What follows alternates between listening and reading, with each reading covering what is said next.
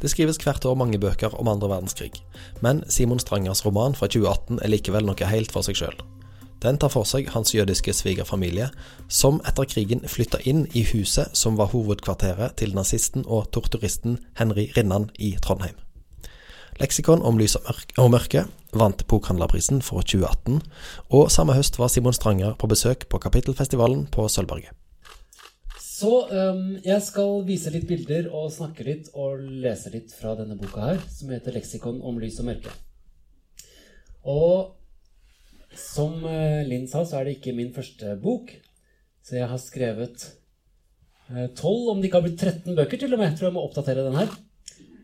Så jeg har skrevet uh, fem romaner for voksne, tre ungdomsromaner, og så er resten barnebøker.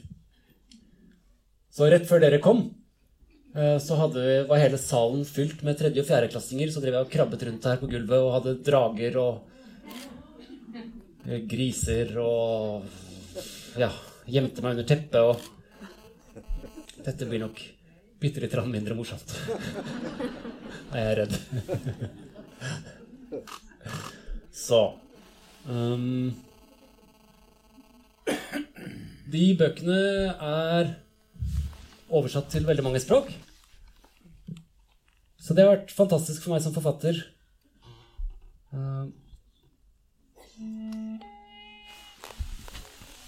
de siste årene å kunne fra å måtte gjøre helt andre ting for å tjene penger på å skrive, så har jeg de siste årene kunnet eh, leve egentlig bare av å skrive og reise rundt. Sånn som nå. Og snakke om bøkene mine. Så er det fantastisk. Å kunne leve av fantasien sin. Så det er jo en drøm som har gått i oppfyllelse. Det å bli forfatter er det første yrket jeg sa til mine foreldre at jeg ville bli. Da var jeg kanskje syv, åtte, ni år gammel. Moren min leste en bok som het 'En uendelig historie' for meg. Som var litt sånn Harry Potter-aktig for min generasjon. Mange av dere kjenner den kanskje.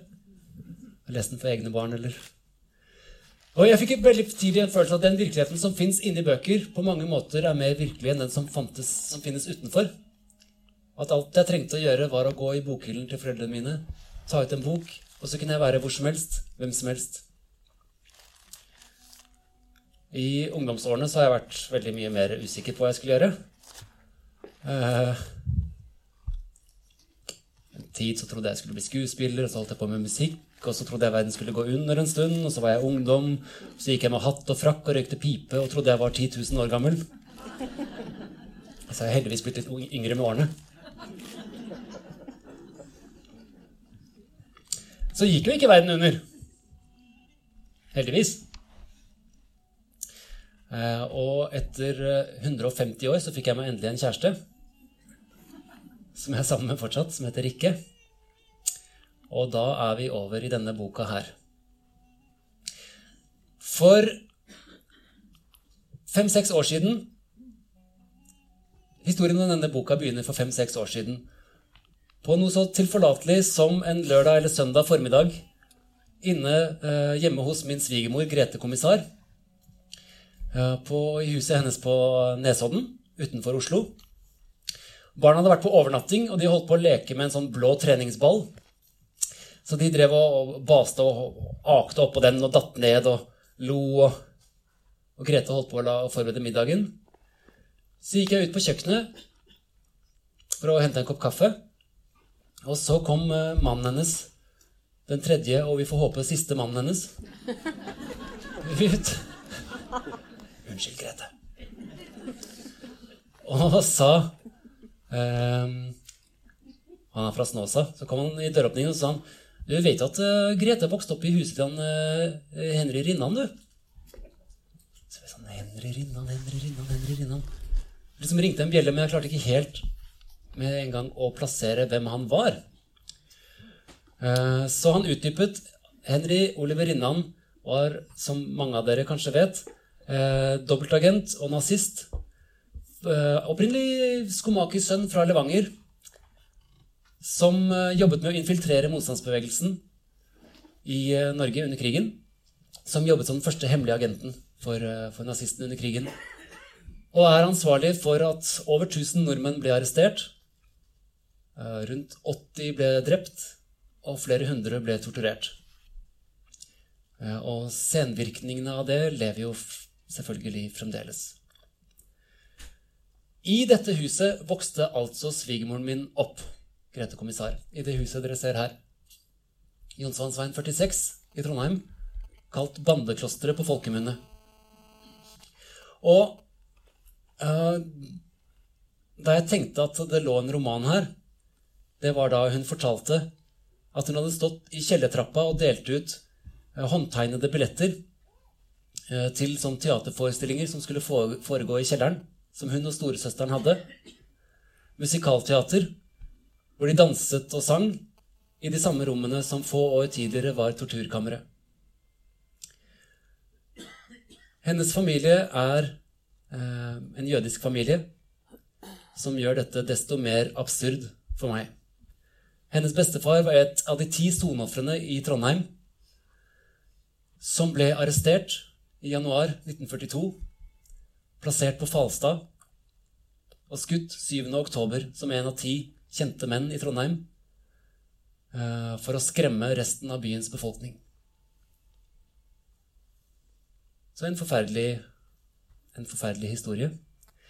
Og så, så klarer resten av familien med nød og neppe å flykte.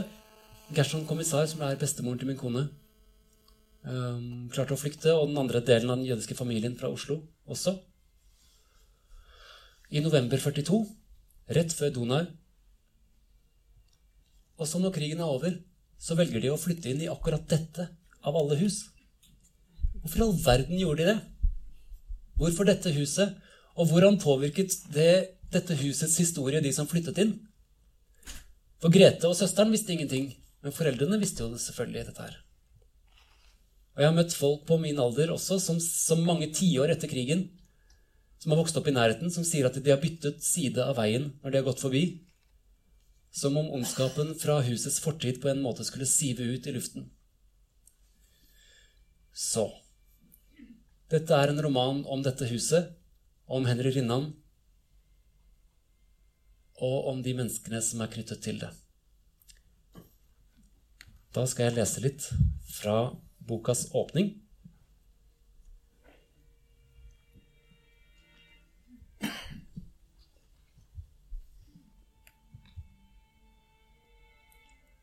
A. A for anklagen. A for avhøret. A for arrestasjonen. A for alt som skal forsvinne og gli inn i glemselen. Alle minner og følelser. Alle eiendeler og gjenstander. Alt det som har utgjort rammene for et liv. Stolene man har sittet på og sengen man har sovet i, skal bæres ut og settes inn i nye hjem. Tallerkenene skal plasseres på bordet av nye hender, og glassene skal legges mot leppene til andre mennesker, som vil helle i seg vannet eller vinen, før de snur seg mot en annen i rommet og fortsetter samtalen. Ting som har vært fulle av historie, skal en gang miste sin betydning og forvandles til ren form, slik et flyger ville fremstått for en hjort eller en bille. En dag skal det skje. En dag vil den siste dagen komme for oss alle, uten at vi vet når det blir, eller på hvilken måte livet skal ta slutt.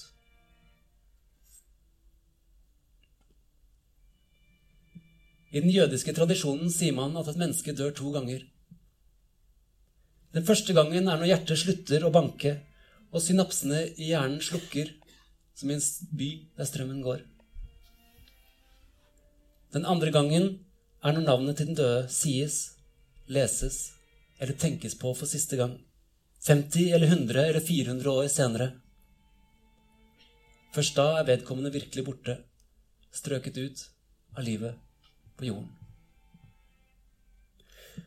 Denne andre døden var utgangspunktet for den tyske kunstneren Günther Demnich da han fikk ideen til å støpe brosteiner av messing, gravere inn navnene til jøder som ble drept av nazistene under andre verdenskrig, og felle dem ned i fortauet foran bygårdene der familiene bodde.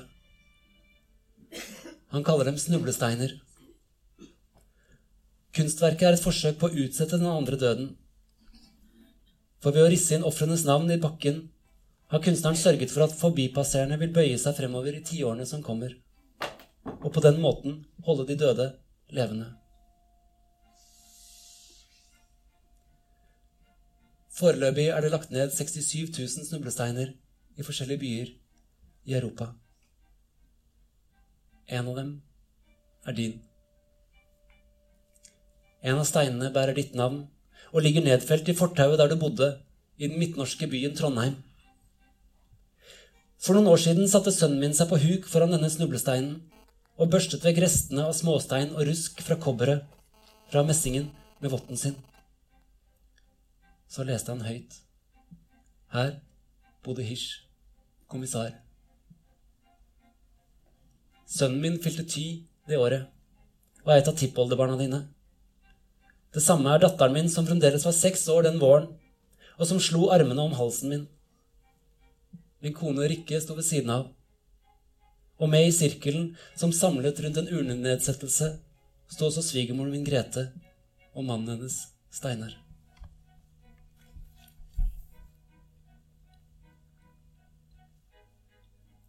Her bodde Hirsch kommissar. Fødselsår 1887. Arrestert 12.01.1942. Falstad. Drept 7.10.1942. Sønnen min strøk votten over den siste linjen før han kikket opp. Hvorfor ble han drept, pappa?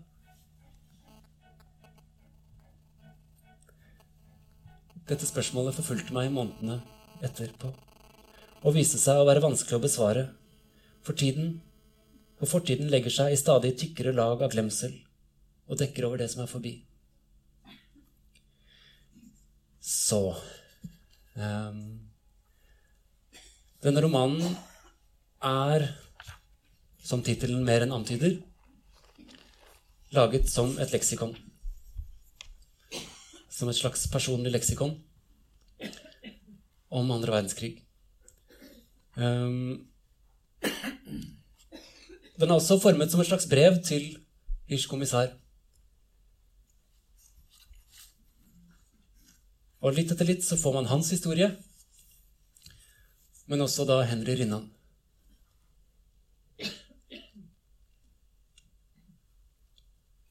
Be for bande. Be for bygning. Be for bandeklosteret den beryktede villaen som ligger på en bakketopp like utenfor bykjernen av Trondheim, i Jonsvannsveien 46. I flere tiår etter at krigen var over, krysset folk veien når de passerte dette huset. Som om ondskapen fra eneboligens fortid på en eller annen måte skulle sive ut i luften og smitte dem.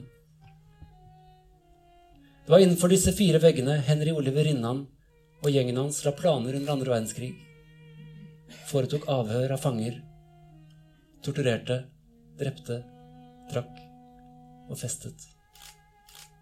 En journalist som var på befaring i bandeklosteret like etter at nazistene hadde kapitulert, skrev dette om sine opplevelser. Overalt i huset har de herjet som det synes, drevet av en vill ødeleggelseslyst.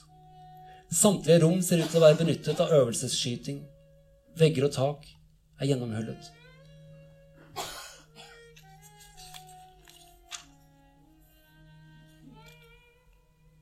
Be for babyer og bollekinn. Be for bare bein som spreller i været på stellebordet, og for barn som stabber bortover gulvet i stua, med de lubne armene i været for å holde balansen, og med frydefulle vin når de møter noen av de andre på sin egen alder.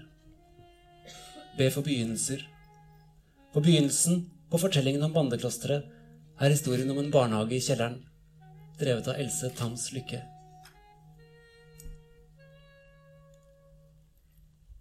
Be for barndom. Dette landet som hver og en av oss kommer fra, uvitende om hvordan hendelser, ansamlingen av hendelser og følelser fra de første årene skal synke sammen som sedimenter på havbunnen og lagre seg dypt inni oss. Danne landskaper og væremåter som preger oss for resten av livet. Slik denne vinterhagen skal gjøre for Henry Oliver Rinnan. Det er februar 1927.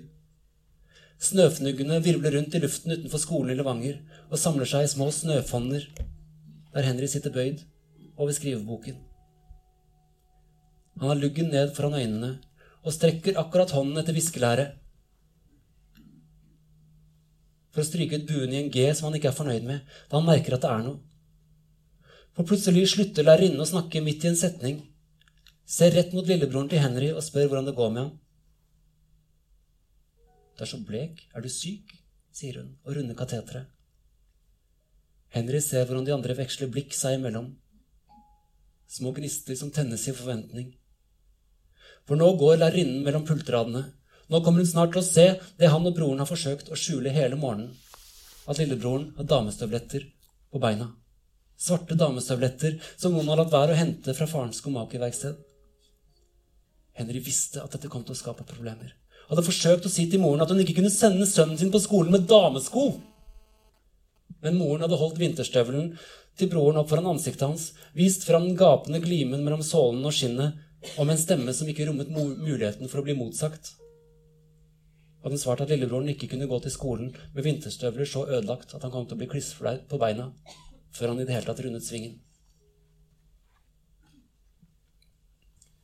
Her er et bilde fra Falstad. Her er huset der Henry Rinnan vokste opp i Kirkegata i Levanger. Og som dere hører, så, så, følger, jeg, så følger man som leser Henry Rinnan fra barndommen av. Jeg tenker at ingen er født som monstre. Og jeg tenker at Henry Rinnan ikke hadde trengt å bli den han ble. Så hvordan i all verden gikk han fra å være en stillferdig skomakersønn, eldste av åtte søsken, til å bli en av norgeshistoriens verste forbrytere. Med det som kan synes som sadistiske tilbøyeligheter. Ansvarlig, som jeg sa i stad, eh, for tortur av flere hundre mennesker. Det forsøker jeg å finne ut av. Så Henry Rinnan, født i 1915.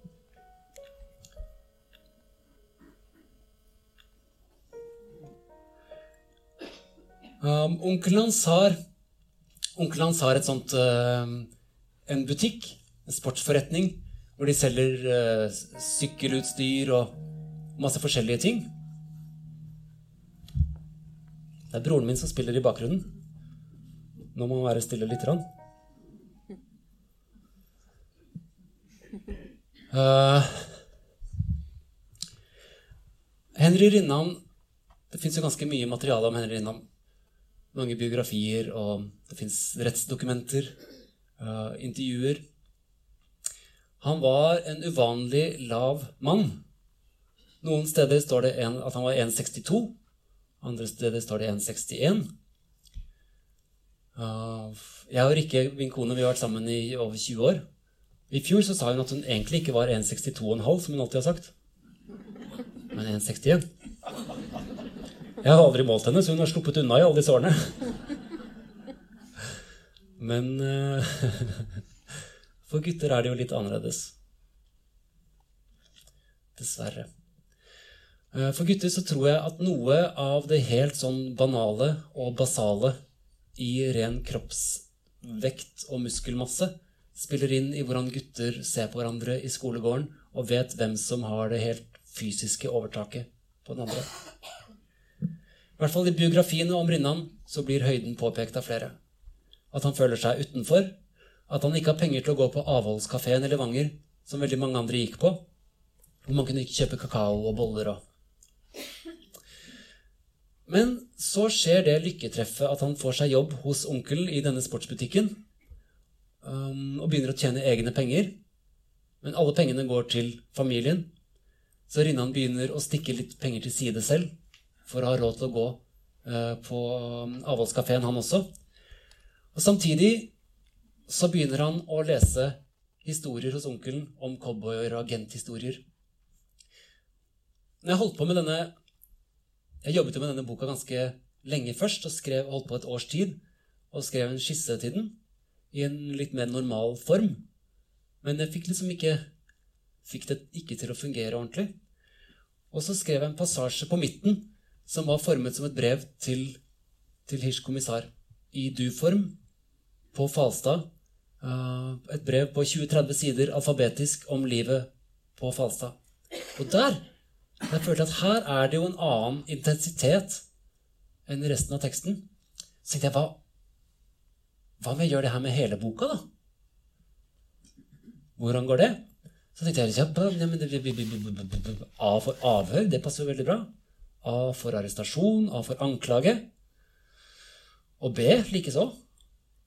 B for bande, B for bygning, B for bandeklosteret. Men hva med C, tenkte jeg. C er jo litt sånn vanskelig bokstav på norsk. Men nei.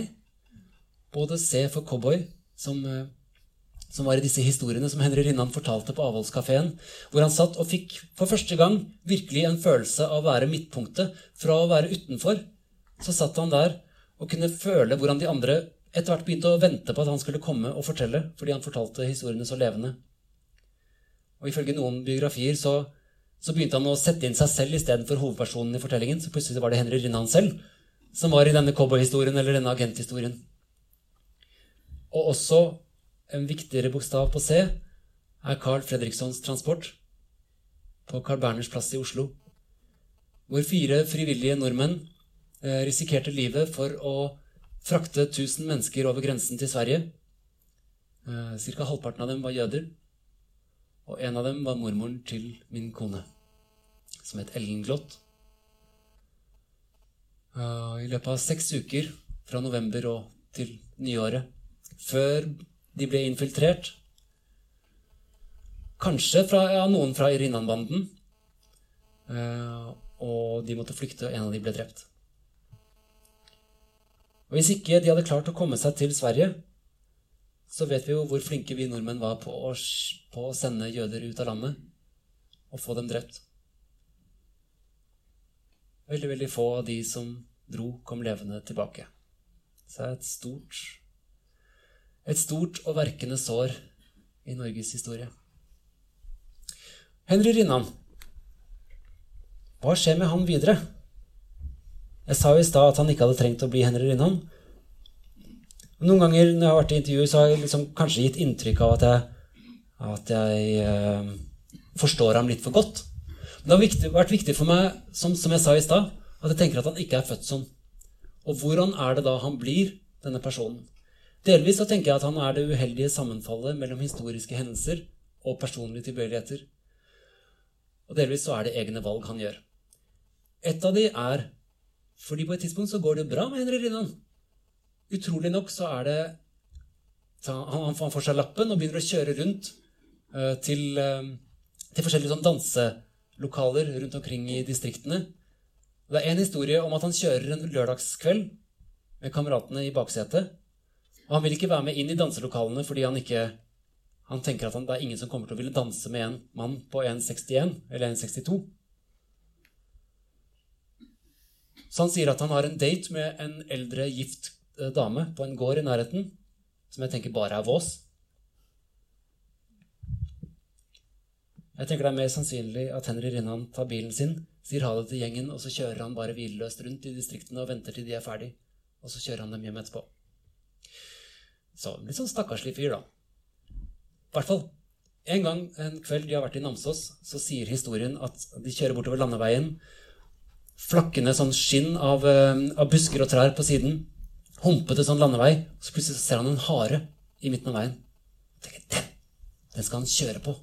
Kan ta med skal han ha harestek til middag.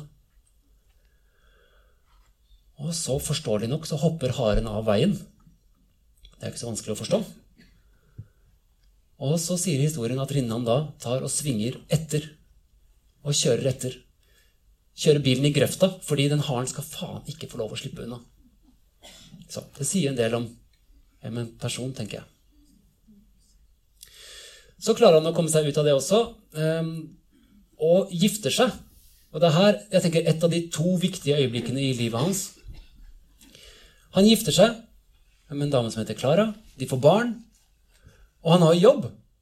Der kunne jo livet hans fortsatt, det der eh, siste halvdel av 30-tallet.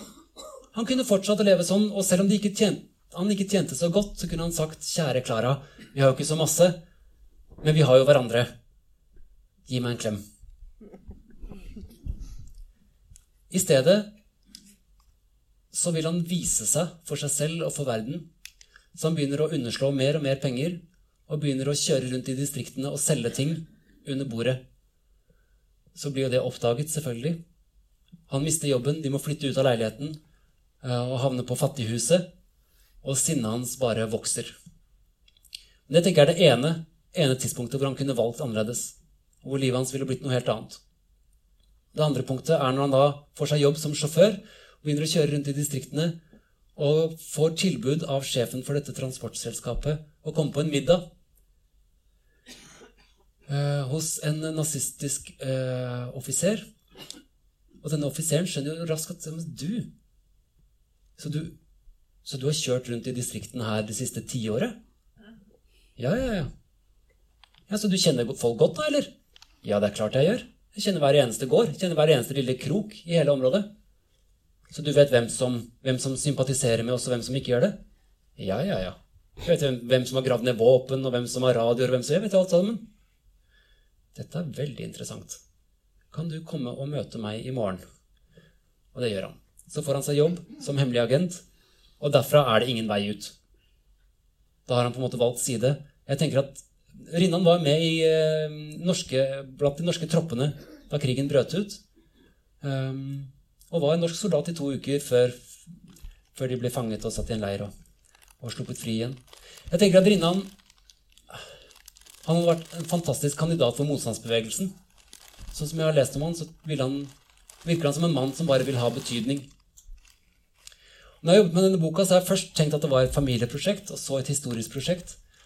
Men jo mer jeg gravde inn i det, jo mer tenker jeg at dette også er en samtidsroman. At dette er en roman også om utenforskap, og hvor 22. juli ligger og klinger i bakgrunnen. Dette brennende ønsket til særlig unge menn om å ha betydning. Hva slags roller er det vi gir dem? Hva slags fortellinger er det vi gir sønnene våre? Hva slags muligheter er det de har?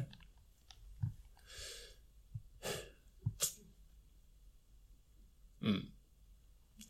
Så.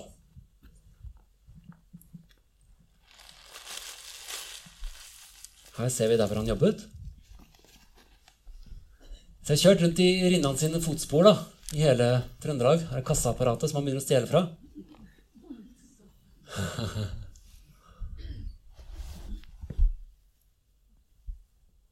Vedings sportsforretning i Levanger. Veldig rart å være i de lokalene.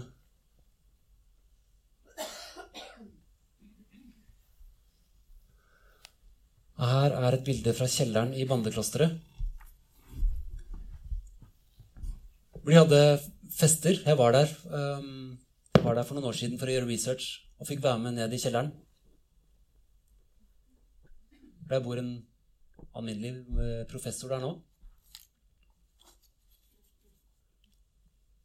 Ja, jeg vet ikke om jeg skal fortelle noen gang. Det er en stang som folk ble hengt opp på, og så ble de eh, pisket. Jeg skal lese et utdrag til. Det rekker vi. Vi starter tolv, ikke sant? Ja. Vi må ha litt tid til spørsmål også. Nå kan broren min få lov å spille igjen. Det er kjempefint, Ruben.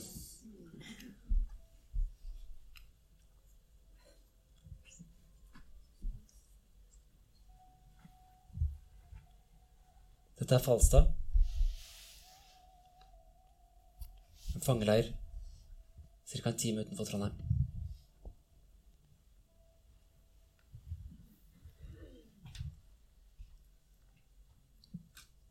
F for fang. F for fange. F for fanget. F for fangeleir. F for fall.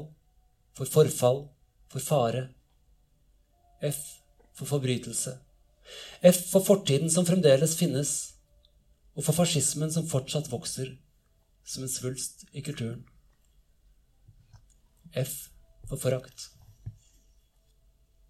F for Falstad.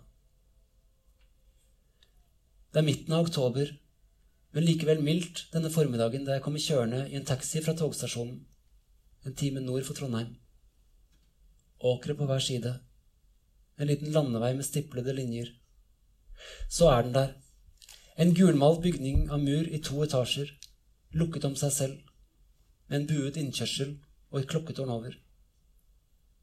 I A3 mellom murene står et bjørketre, der alle bladene er gule, og mange av dem er allerede falt til bakken. Det samme treet sto i gårdsrommet den oktobermorgenen da du ble tvunget til å gå gjennom portalen og ført bortover veien mot den myrholdige skogen like ved. Solen sto oppover landskapet og skinte på alle de gylne bladene. Fikk dråper av dugg til å glitre i lyset. Noen timer senere ble en ny gruppe fanger ført inn gjennom porten på rekke og rad.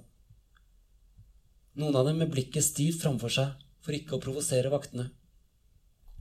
En av dem var Julius Paltjell, en ung mann som senere skulle gifte seg inn i kommissarfamilien da Jakob og Vera kommissar ble skilt. Julius Paltjell forteller om en scene fra plassen med bjørketreet i en av bøkene han og Vera kommissar skrev sammen.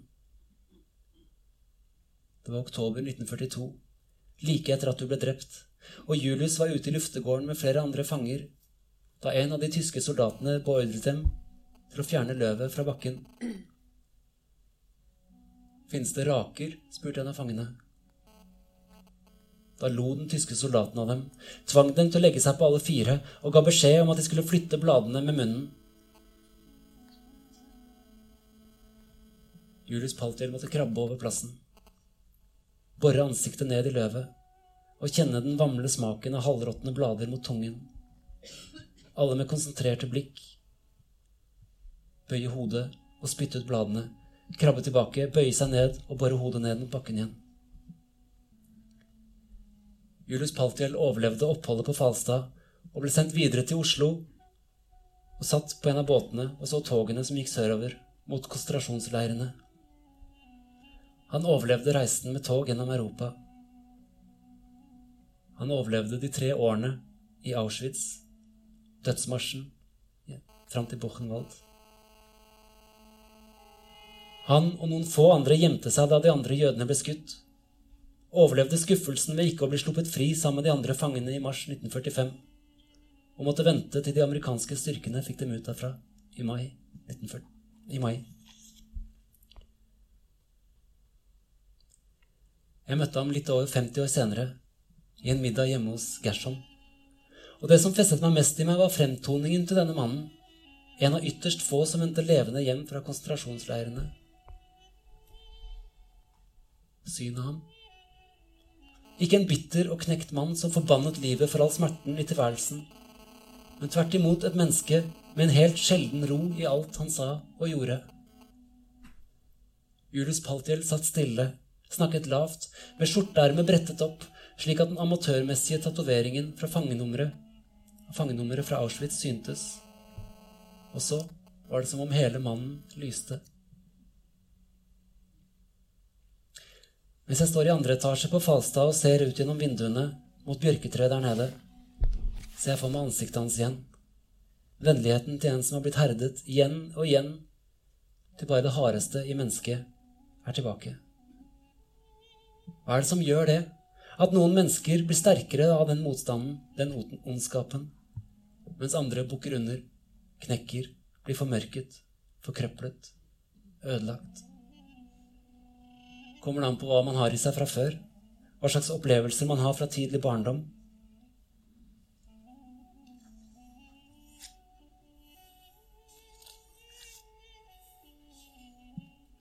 F for fortielse, F for Ford. F for fabrikk.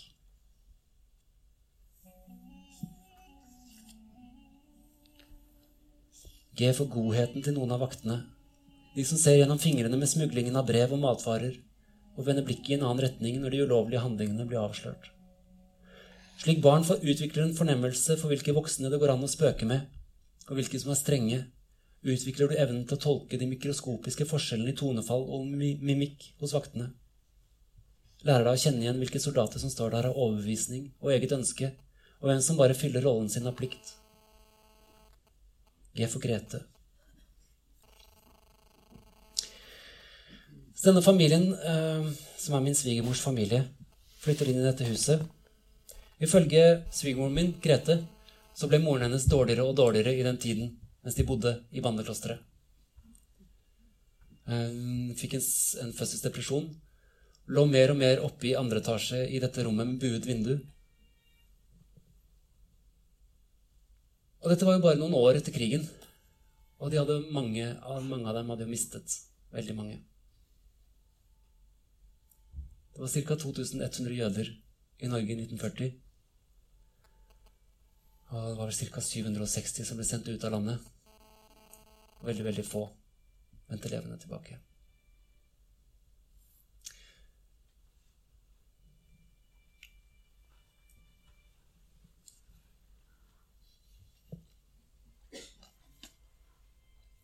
Jeg tror jeg skal lese et siste utdrag. Og så tar jeg gjerne spørsmål etterpå.